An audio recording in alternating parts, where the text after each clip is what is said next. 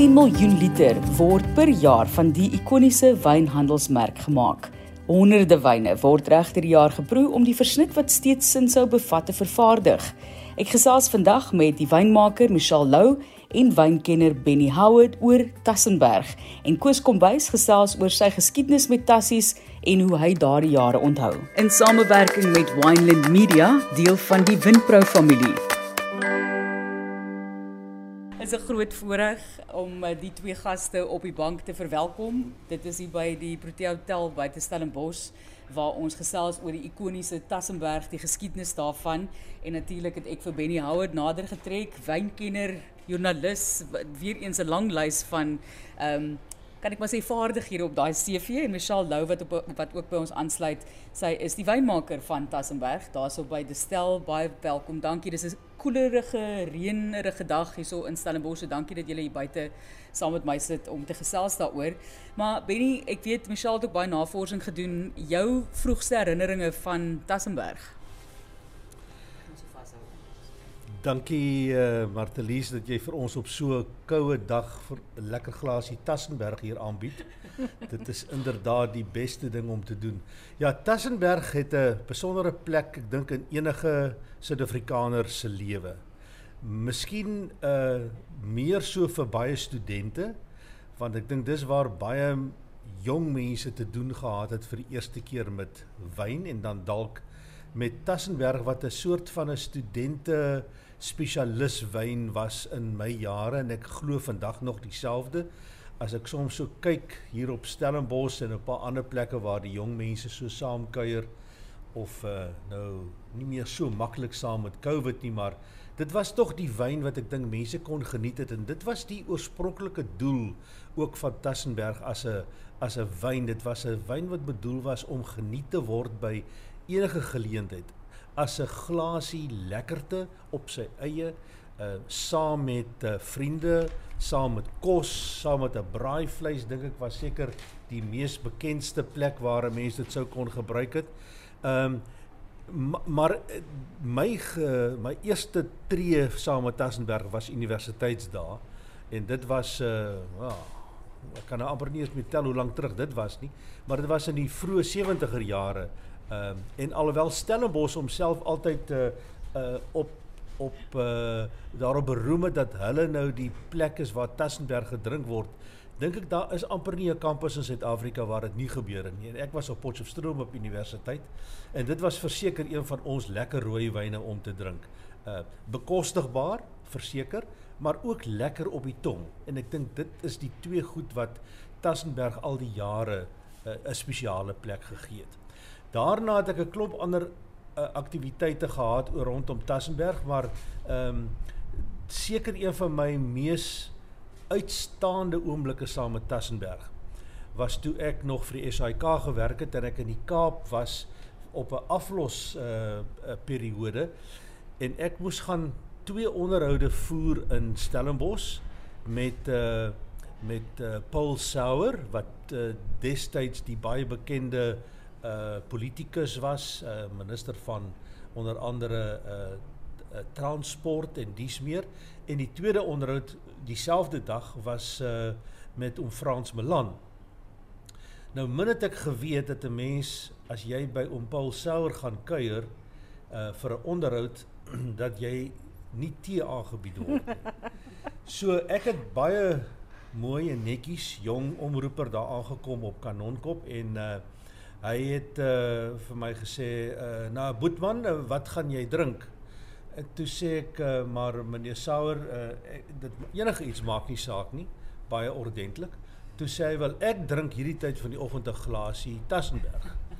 uh, en toe ek nou maar gevoel dan moet ek seker nou maar inval. Toe ek nou ook maar 'n glasie Tassenberg voor my gehad. Ek kan nie dink dat ek veel daarvan gedrink het nie. Ek was dalk te op my senuwees gewees om nou met hierdie belangrike 'n politikus en wynmens te praat, maar dit was 'n genoeglike uh, uur of so wat ek saam met hom Paul deurgebring het. En dit was vir my verstommend dat iemand van sy statuur ehm um, dit geniet het oor die uur wat ons gepraat het. Dit was nie iets om te drink vinnig nie. Dit was net iets wat hy kon ehm um, deel en ehm um, ek het jare daarna toe ek by Stellenbosch Farmers Winery begin werk het, het ek uh, allerhande verhale gehoor van hoe hy Tassenberg oral waar hy gekom het gepromoveer het en ehm um, ja, hy was 'n spesiale mens. So Tassenberg het vir my uit daai dae al 'n baie lang en wonderlike geskiedenis gehad. Wat interessante stories wat Penny mee vorendag kom. Waar jog, dit is dit is almal geskiedenis wat skrik vir niks. Wanneer kom die boek uit? Dis al wat ek wil weet. Asseblief. Maar uh, Michelle, jy het vir vroeër gesê 10 miljoen liter Dit ja. is 'n enorme klomp wyn wat jy vervaardig van Tassenberg en is eintlik ook mooi om te sê, jy weet dis watter ander wyn in Suid-Afrika het sy eie bynaam Tassies, né? Nee? Ja. So jy het so 'n bietjie meer voordat ons kom by die proses in die bottellering en so aan, die agtergrond van Tassenberg. Wel Tassenberg was ge ehm in die 1936. So hy is al baie lank, 85 jaar oud. Ek het eintlik dit gaan moes aftrek. lank vir my tyd. Maar ehm um, sy naam kom van Papagaaiberg in Adamtas waar die wyn is oorspronklik by Adamtas gemaak en so het hulle op die naam gekom Tassenberg. Ehm ja, en dit, dit is net 'n uh, baie ikoniese wyn. Kan onthou toe ek ook groot geraak het. Weet ehm um, dis die studente, maar ook uh, jy weet as iemand 'n potjie kos maak, wat altyd 'n bottel tassies langs aan gestaan wat jy in jou potjie kos het. So uh, ja mooi herinneringe self ook. So hoe dit gebeur dat jy self Tassenberg se wynmaker geword het. So gee ons net vinnige idee ook van jou agtergrond en hoekom jy wynmaak studeer het. Nee, is reg. Ek is eintlik die eerste in my familie wat enigstens in 'n 'n wynmaak landbou rigting ingegaan het. En ehm dit is dit is eintlik ek was altyd in die wetenskappe in en so aan en ek het nie eintlik geweet wat ek wou doen nie. Ek wou dokter raak. So ek okay nee, my grade is nou genoeg vir 'n dokter. En uh toe het iemand genoem maar wat van 'n wynmaker en ek sê ja, dit klink baie romanties. en so dit gebly en ek het gaan en gaan studeer en en ek my loopbaan begin 'n baie klein kellertjie. Ehm um, de Toy destyds was my mentor geweest En ehm um, en so het ek nou maar gegroei en uh, by 'n groot keller soos Armtas begin was my eerste groot groot keller en ek is nou al daar vir 6 jaar en ehm um, ja, Tassenberg is een van my een van my groot wyne wat ek maak. So kom ons gesels gou oor daai romantiese kant van wynmaak en, en dan sê jy vir my jy het in 2 jaar die verlof gehad nie en jy werk heel Desember deur behalwe Kersdag daarom dan raak dit so 'n bietjie minder romanties en die idee van 'n lekker drinkwyn en 'n 'n 'n toeganklike wyn vir die mark teenoor om nou grand wyne te maak. So jou posisie as wynmaker as ek maar mag vra daaroor. Wat wat dink jy daarvan? Kyk op die einde van die dag wil jy altyd 'n produk vrystel wat jou kliënt gaan gaan um tevrede stel. Tevrede stel. Baie dankie. tevrede stel en um Tassenberg is net een van daai produkte wat net aanhou groei en aanhou groei. Ek meen ons sal nie 10 miljoen bottel is niemand daarvan gehou het nie. En ek dink wat hom so uniek maak en ikonies maak, hy het konstant gebly oor die jare. En dit is net 'n lekker drinkwyn. Dit is 'n wyn wat jy net kan geniet en uh, en dit is 'n uh, deel van ons geskiedenis, kan ek amper sê, van. Suid-Afrika. Ja. So ja, en dit is dit is basies wat vir jou belangrik is. Wat vir my belangrik is om daai ja. kliënt en daai tevredenheid dat dat dat die wyn so goed verkoop en so aan. Ehm um, ek het vroeër vir jou genoem ook ons Namibië se mark het uitgeskiet in die hoogte in net ewe skielik so 2 jaar terug. So uh, ek weet nie, hulle lyk my hou van 'n baie droë produk want dit is baie droog in Namibië. Ek sê so ja. Ja. Vertel ons ook voorheen die bottellering het baie verander. Ek weet nie wat uit watter tipe bottel meneer Sauer vir jou geskink het nie Benny, maar dit was mos 'n ander tipe van bottel met 'n ja. handvatsel aan die kant. So watter bottel het hy vir jou uitgegooi? Nee, maar daarom onthou Tassenberg toe hy bekend gestel is. En miskien moet ek net vir 'n oomblik uh, teruggaan na die na die oorspronklike geskiedenis van Tassenberg. Kyk, ehm die Winshaw familie wat uh, die maatskappy begin het Stellenbosch boerewynmakery uh, kom oorspronklik uit Amerika uit. uh, Ou dokter uh William Winshaw, die die stigter van die maatskappy, ehm um, hy na Suid-Afrika toe gebring vir die Tweede Vryheidsoorlog. En so van Suid-Afrika gehou dat hy besluit om sy familie te gaan haal om te kom bly in Suid-Afrika. En hulle het in 1925 toe die maatskappy gestig het, was eers 'n net 'n onderneming wat wyn gemaak het en bietjie brandewyn gestook het. Maar uiteindelik het hulle toe nou die maatskappy gestig. Toe stuur hy sy seun Bill wat toe die eintlike wynmaker van die groep op daai stadium was, uh, om in Frankryk 'n draai te gaan maak. Eintlik nie net Frankryk, die hele Europa en dit was hier so rondom 1928, 1929. Toe kom oom Bill terug met 'n klomp nuwe idees. Die eerste ding wat hy gedoen het is hy het uit 'n vonkelwyn wat hy uh gesien het so bekend was in Europa, champagne, het hy kom naboots maar nooit sukses behaal met dit in die bottel te doen nie, maar omdat die prosesse het destyds net nie hier bestaan nie. Maar hy het begin met Grand Moussou in 1929 wat die een van die eerste groot ehm uh, vonkelwyne van Suid-Afrika was. En met sy reise het hy ook in Bordeaux aangekom en toe het hy in 1932 'n Chateau Libertas bekend gestel as 'n versnit rooi wyn uh wat op daai stadium maar bestaan het uit Cabernet Sauvignon en ehm uh, en 'n bietjie iets van alles van die ander druifsoorte wat ons gekweek het op daai stadium want daar was nie eintlik veel meer as dit op die mark om van rooi wyn te maak nie. Maar hy het ook in Beaujolais wat die tradisionele jong wyn drinkarea van Frankryk is, het hy ook hierdie lekker vrugtige jong wyn raak geloop. En dit het hom geïnspireer om ook 'n wyn te maak van veral Cinsault druiwe wat een van ons lekker uh drinkbare uh ligte rooiwyne kan maak want jy kry groot volume teen 'n bekostigbare prys selfs in daardie jare. Um, geen hout, dit was nie nodig om dit in hout te sit nie. Dit was bedoel om 'n om 'n algemene drinkwyn te wees. Uh soos die Chiantis van Italië byvoorbeeld. En dis hoe dit in 1936 het dit gebeur. En daarmee saam was sy vierde produk wat hy bekend gestel het, La Gratitude, wat 'n droë witwyn was, amper op dieselfde basis as Tassenberg, 'n maklik drinkbare jong vrugtige wyn. Terug na die bottel toe.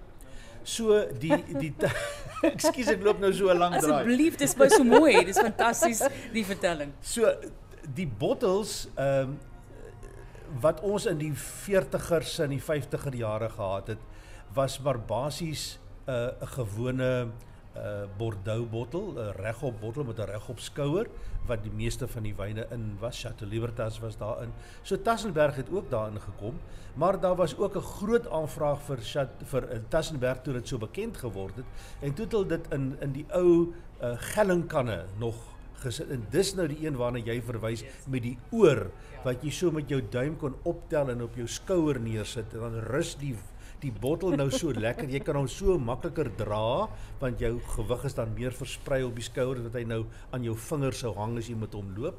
Uh, maar dit was ook sommer lekker naby jou mond as jy goue happie wil vat, jy weet net om die prop af te draai en net goue slukkie te vat van hom.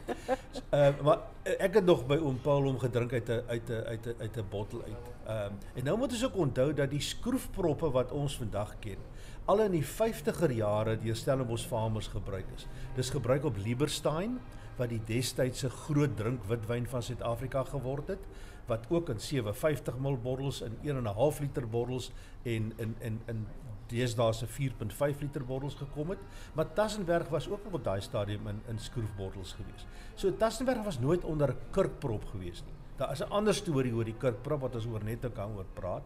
Maar die die die skroefprop was maar die bottel van van Tassenberg gewees in daai jare.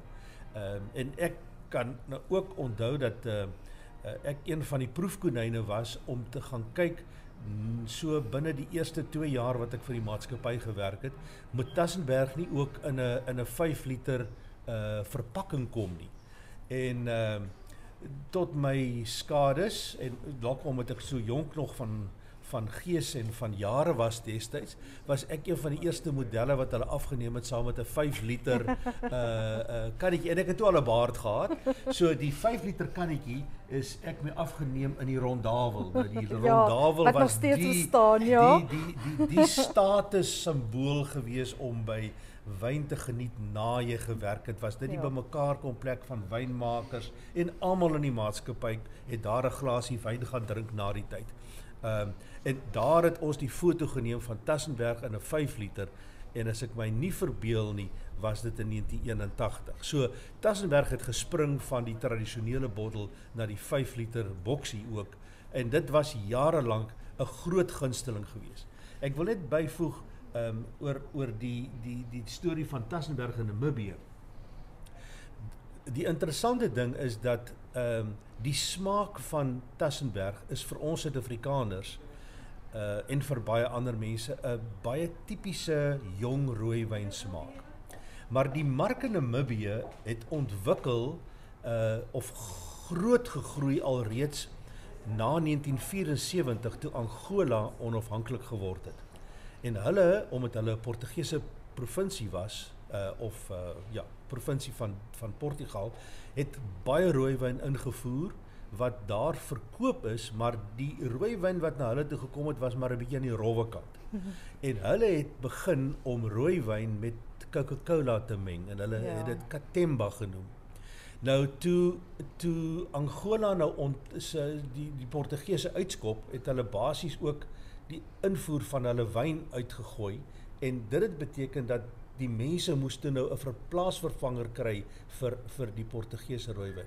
En dit was Tassenberg want dit was net oor kan die oor kan die die die rivier uh was dit beskikbaar in Suid-Afrika. So Tassenberg het migreer skielik uh van 1975 af binne in Angola in en dit het die drinkwyn van die dag geword.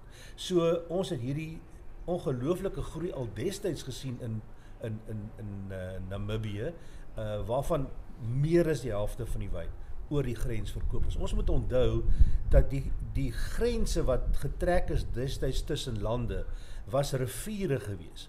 Maar die die bevolking wat daar gebly het, was familie van mekaar oor kan die rivier.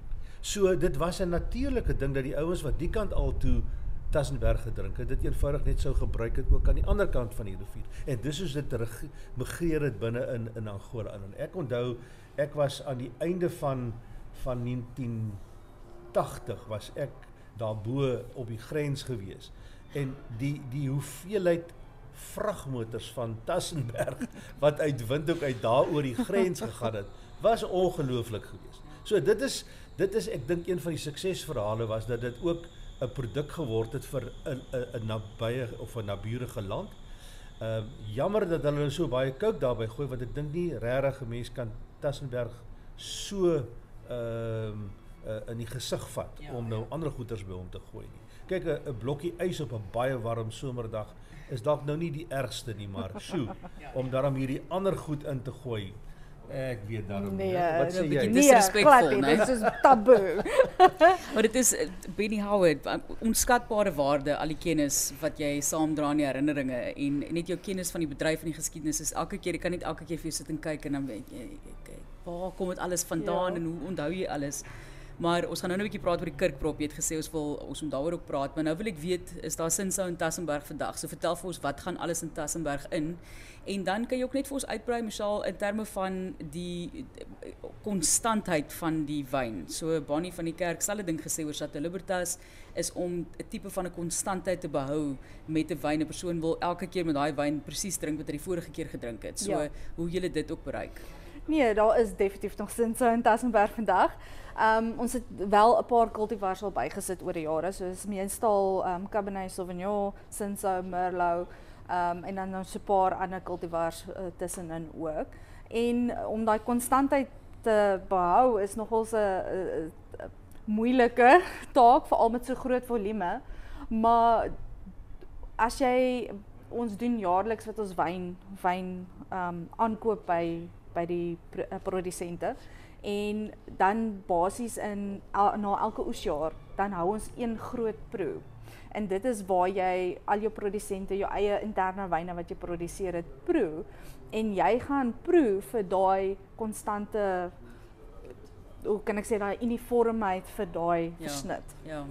Waar kom die druiwe alles vandaan van watter produsente? Dit kom reg oor die Wes-Kaap, on Wellington, Stellenbosch, Parel, Ehm so ons ons kry reg oor die land druiwe vir Tassenberg. En die toekoms van Tassenberg dink jy dink jy gaan altyd konstant bly? Kyk, ek het ek het vir jou genoem ook vroeër mense moet bietjie luister na die einde van die pot gooi ook gaan Koos Kombuis bietjie praat oor sy ervaring van Tassenberg en hoe Tassenberg sy lewe letterlik gered het sê hy so ehm en die feit dat mense baie keer ook 'n wyn ontgroei So jy het dit dalk gedrink as student, daai tipe van ding, nou drink jy minder daarvan, maar nog altyd 10 10 miljoen liter. Ja. Dit is dit's regtig astronomiese hoeveelheid, maar net vir ons daai perspektief ook gee. Ja, Tassenberg is een van daai ikoniese wyne, is deel van ons geskiedenis. En ehm um, ek dink dit dra baie toe daarbey en jy sal sien die etiket het ook nie juis veel verander oor die jare nie. Ehm um, en so die mense ken die handelsmerk en omdat dit so goeie wyn bly en juis omdat ons daai produk probeer uniform hou reg oor die jare, dink ek dit sal bly aan 'n groei. Ehm um, soos ek vroeër genoem het, Namibië groei teen eksponensiële ehm um, pas pas ja, ja uh, en uh, dit dit is net een van daai wyne wat by jou bly, so Chateau ja. Libertas is ja. deel van ons geskiedenis. En die belang as jy kan uitbrei ook en aansluit by haar die belang van hierdie wyn in Suid-Afrika. Ek wil daarom net sê Ons moet daarom ons bemarkingsmense geluk wens dat hulle ja. nie te veel gepeter het met die etiket van Tassenberg nie. Ja. Jy weet hulle sê as jy 'n nuwe produk liewer 'n bemarkingsbestuurder aanstel vir 'n wyn, is die eerste ding wat hulle probeer doen om aan die etiket te verander.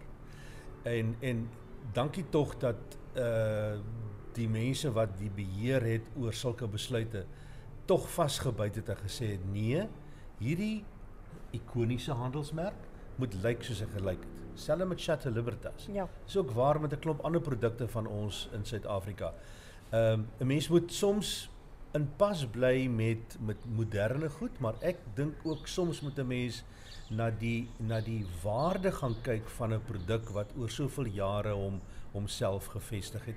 En daar's talle voorbeelde waar daar aan etikette gepeter is en wat dit tot die groot nadeel van die produk gelei het. Maar terug na die na die na die na die produk. Ek dink 'n mens ontgroei sekerlik sekere uh smake. Maar dit is ook so dat 'n mens uiteindelik weer terugkom na daai smake toe. Ek het oor al die jare dikwels gesien mense wat Tassenberg gedrink het toe hulle jonk was, toe verskuif het na ander handelsmerke en dan na 'n klompie jare amper soos wat 'n mens kan sê wat jy wat jy meer bevryding raak oor etikette en oor prysstrukture en dies meer terugkom na die produk toe en dit dan weer herontdek. En absoluut Michelle ja. wat jy sê daar is nie 'n potjie kos wat jy kan maak sonder uh, sonder 'n nie behalwe die feit dat dit ongelooflike waarde vir geld is is dit 'n produk wat ideaal werk saam met kos maak? Omdat dit nie die kos sal oorheers in geure nie. Maar dit gee vir jou al die elemente wat jy nodig het om 'n lekker potjie te maak byvoorbeeld uh jy het die suur in die wyn jy het die alkohol jy die die geure van die vrugte uh wat deurkom op die smaak en dis meer alles wat bydra tot die potjie maar dit gaan nie jou potjie se smaak oorheers nie jy het my nou so lus gepraat. Ek gaan hier na 'n boks Tassenberg koop. Die naweek maak ek 'n pot nou, met daai wyn. nou ek weet jy's nie 'n groot hoendervleiseter nie. Uh, Martelies, jy is mos nou eintlik 'n rooi vleiseter. Of so hoor ons okay, maar van jou self. oor die radio en op sulke plekke. En jy kom daarom nou uit 'n familie ook, ek bedoel Matie jou pa het ek baie goed geken en, en, en hy het meer vleispotte gemaak as hoenderpotte. Maar ek kan nou vir jou sê ek het 'n ek het 'n buurvrou gehad wat gespesialiseer het om 'n uh, hoender uh, in rooiwyn te maak, kakawe. En sy het soos ingeglo soos in die Bybel dat dit is die beste wyn om kakawe mee te maak en ek het by haar dit baie geëet en ek ek het haar nageboots of probeer naboots dit is die beste wyn om so 'n hoendergereg weer eens in te maak omdat die die geure van die wyn en as daar te veel hout sou wees, nie die smaak oorheers nie. Ek dink die vrug, dit is daai pragtige ja. vrug ja, ja. wat jy daaraan kry. En en dis ook om ook sê uh dit is die universele ding dat jy daai 360 grade draai maak. Jy dalk die wyn vergeet, maar nou stadig gaan kom jy weer terug na na die wyn toe. En ek het dit al in baie plekke gesien. Daar's 'n vriend van my in Humansdorp wat uh, geglo het dat die enigste manier om 'n baie lekker springbok ribbetjie te braai is om hom te marineer in Tassenberg en om dan vir 'n dag te laat windroog hang buitekant onder die stoep. En ek kan nou vir jou sê ek het nog nooit weer daarna springbok ribbetjie geëet soos wat soos wat hy dit gemaak het. Bietjie knoffel wat bykom, maar die rooi wyn en dit hy lê vir 2 of 3 dae in die rooi wyn maak die vleis mooi sag en dan braai hy soos 'n koning. Wanneer gaan jy daai kookboek vir ons saamstel asseblief? Soveel lekker nou idees. vir my goeie idees ook. Oh, my mond water. Maar kom ons kom terug na die na die na na wat maak 'n ikoniese handelsmerk? Ek dink dit is die ou gesegde van as ek vir jou vertel dis iets waarvan ek hou en dis lekker en dis goed en dis So mooi waar. en wat ook al dit is hierdie verspreiding van mens tot mens. Dr Anton Rupert het altyd gesê in hierdie omstandigheid is 1 + 1, ek vertel vir jou, is nooit gelyk aan 2 nie. Is gelyk aan 11.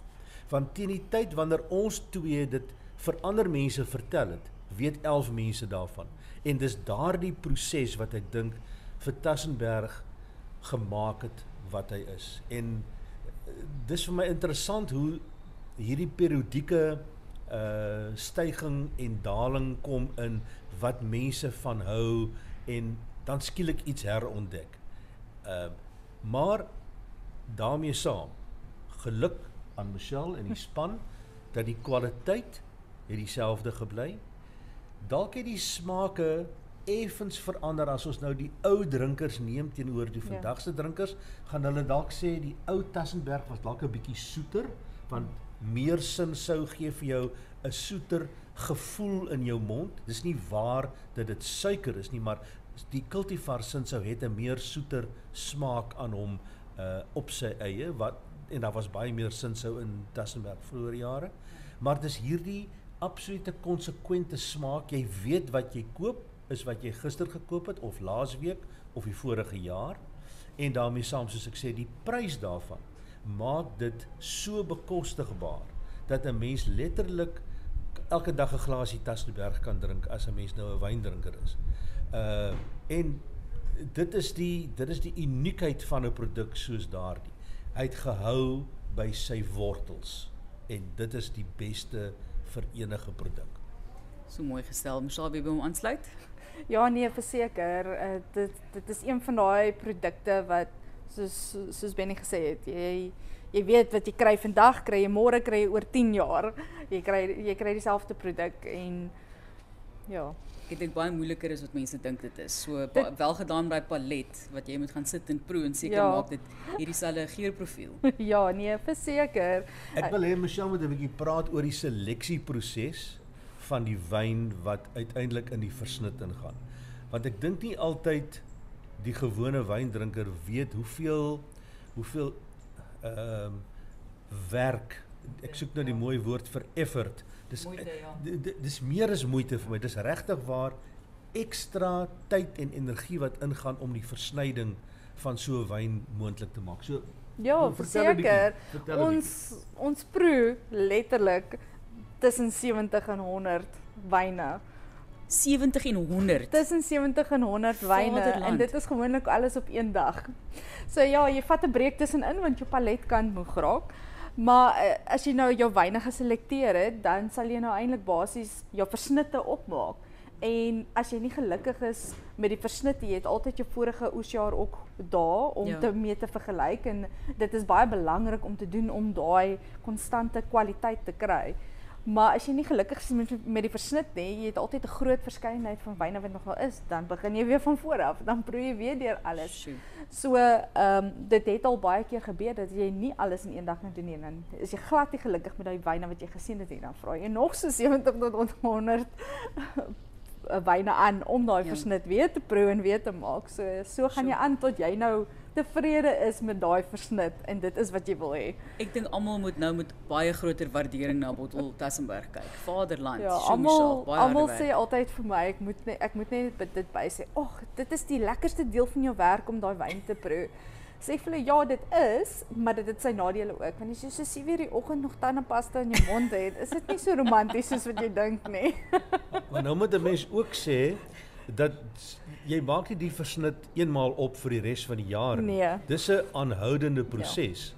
En ek onthou toe ek nog deel was van die panele by Stellenbosch Farmers waar ons uh, gevra is om na die wyne na die na die stelle wyne te kom kyk en te proe en ons opinie te gee. Destyds was Ronnie Melk en Duimpie Bailey was ons ons uh leermeesters gewees hoe om na wyne te kyk om sulke versnitte bymekaar te sit. Maar dit word elke hoeveel maande word dit in elk geval gedoen. En dan is daar altyd soos Michelle sê die bottel van die vorige bottellering of twee bottellerings gelede waarna jy teruggaan om te gaan gaan kyk hoe lyk die versnit wat nou bymekaar gesit is teenoor daardie betrokke een. En dis waar die kuns van versnyding bykom. Dit help nie jy gaan sê hier is 'n resep van ja, 10% plus 20% plus 30% plus 50% en dis nou 100% en dit gaan elke keer so werk nie. Dit werk nie so nie. En ek dink 'n uh, 'n groot pluimpie vir wynmakers om 'n versnit bymekaar te sit wat jaar na jaar onthou dis 'n geen oesjaar wyn. So dit is nie dis nie 'n 'n wyn wat verlede jaar se oesjaar gaan anders lyk as vir jaar se nou nie. Die die die konsep is juis of die wenresep is juis dat dit nie 'n oesjaar op het nie, maar dieselfde gaan proe oor daai periode van 12 maande waarin jy sou versnyding. En nou moet jy onthou die die die die moeilike ding is jy werk nie net met jong wyn nie, jy werk ook met wyn van die vorige oesjaar. So jy moet die balans hou tussen 'n bietjie wyn van die vorige jaar ja. en van die nuwe wyn, want die nuwe wyn op sy eie is te sterk, is te oordonderend. Jy moet hierdie balans kan handhaaf om die smaak van Tassenberg daar te stel. Sjoe. Sterkte Michelle.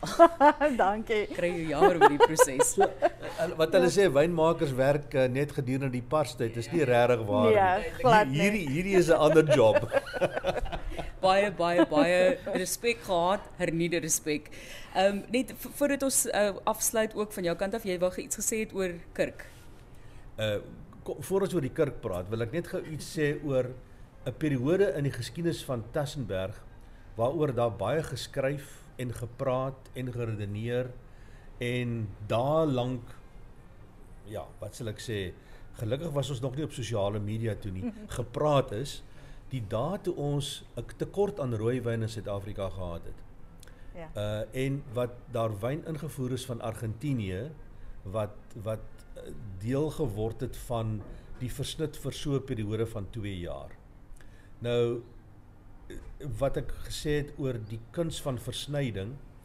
Ehm um, ons het baie baie blinde proe gedoen met verbruikers van die Tassenberg wat net Suid-Afrikaanse wyn ingehaat het en die Tassenberg wat 'n uh, 10 of 15% of 20% van Argentynse wyn ingehaat het. En as ek nou vir jou sê dat daar 1% van die proors was wat dit kon identifiseer dat hier is nie net Suid-Afrikaanse wyn in hierdie versnit nie, dan is dit baie. Dit het net gewys hoe slim die die wynmakers was om die rooi wyn wat ingekom het, wel, eerstens om die rooi wyn te selekteer in Argentinië wat sou pas by die styl van Tassenberg, maar dan om dit te versny dat dit nie die verbruiker se tong sou vreemd laat voel vir die wyn nie.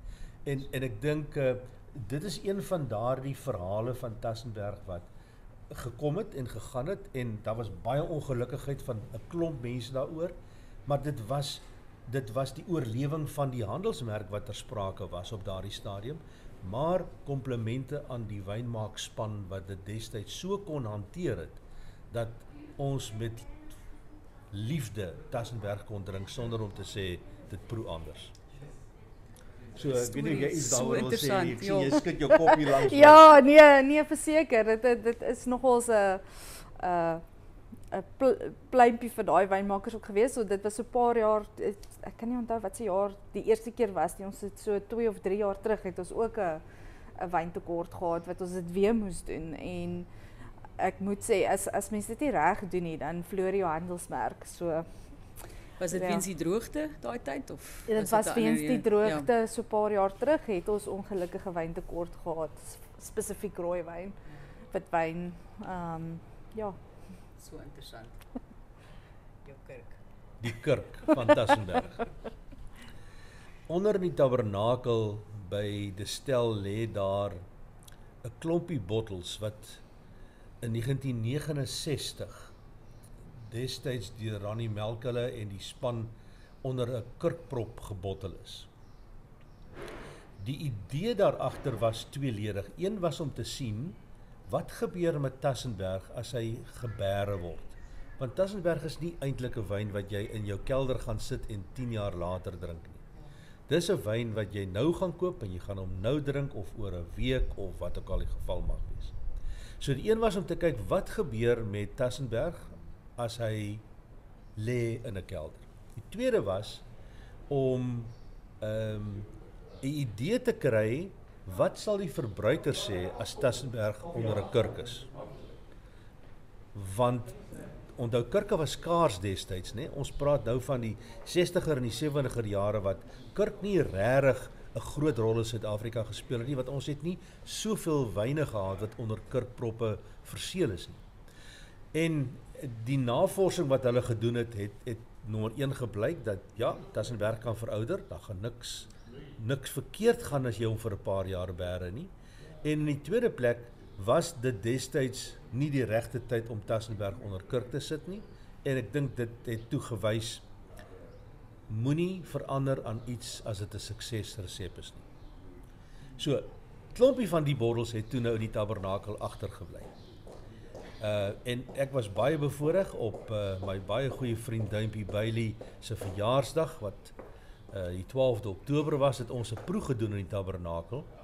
En in, in sy herinnering want Duimpie is vroeër verjaar oorlede, uh het ons toe nou 'n reeks wyne oopgemaak wat wat gewys het wat is die wat was die tradisie en die geskiedenis van ons wyne. En ons het een van hierdie wyne wat onder kurk geplaas was, het ons oopgemaak en dit was een van die sukses wyne van die dag. Mense kon nie glo nie.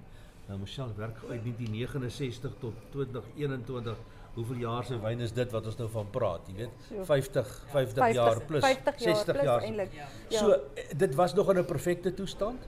Dit was anders want dit het nou 'n 'n 'n verouderingskarakter aangeneem, maar die inherente vrug van Sinsou was nog steeds daar en die wyn het nie uitmekaar geval nie.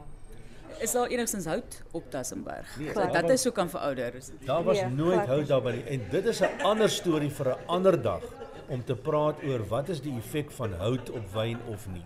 So dis nommer 1 is die is die uh die situasie rondom die veroudering.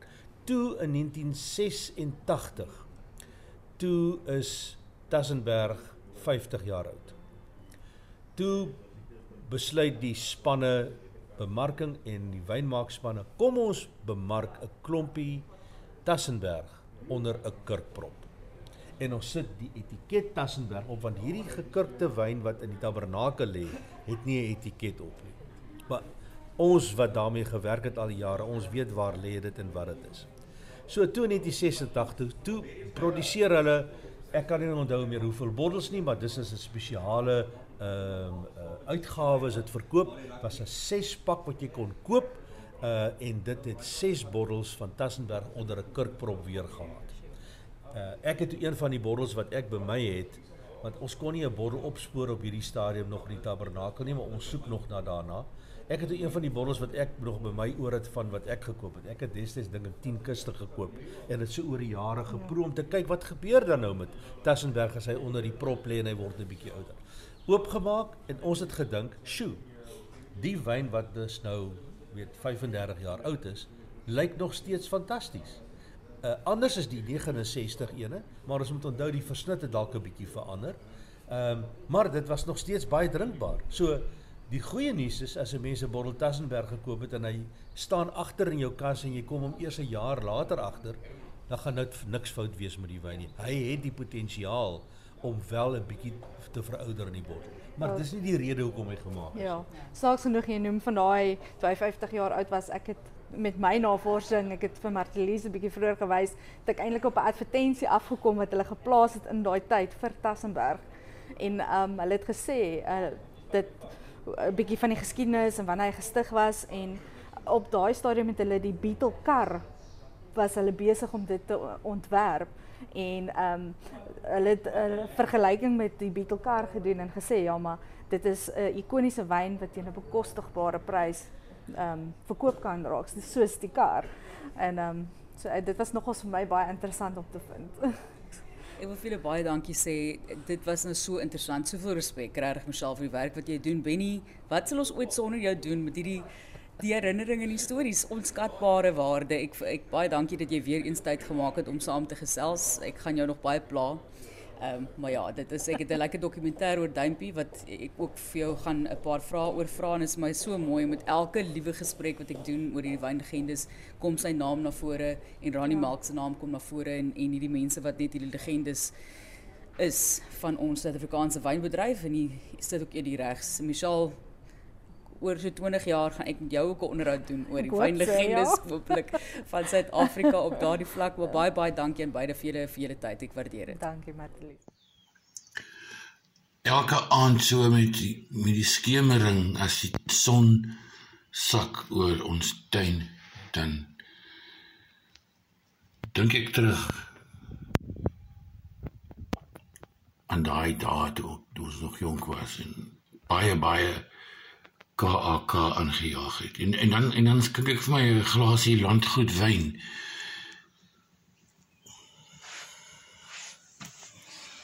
En ek vat 'n slukkie.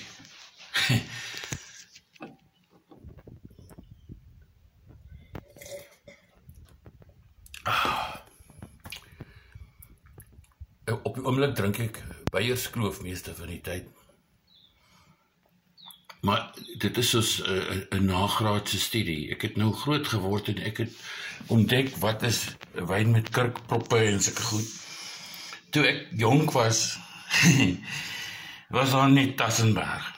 En dit was oukei. Okay. Dit was so bloody oukei. Okay. Um al daai nagte ek het soveel vriende gemaak met Tassenberg.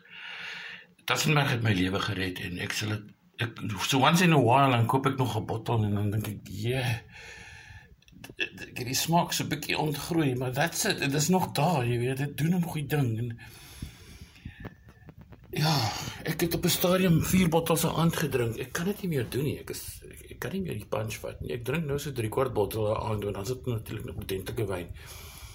Maar dit is deel van my geskiedenis en ek sal altyd vir Tassenberg dankbaar wees. Hulle was my eerste borge en Hulle het my oor die afgrond gehelp, maar hulle het my ook gered van die afgrond. Hulle het albei te gelyk gedoen. So dit is amazing die, dat hulle so iets dit was 'n trick wat hulle reg gekry het en ek sê dankie daarvoor. Shot Tassenberg. In samewerking met Wineland Media, deel van die Windpro familie wat hierdie jaar ook hulle 90ste verjaarsdag vier.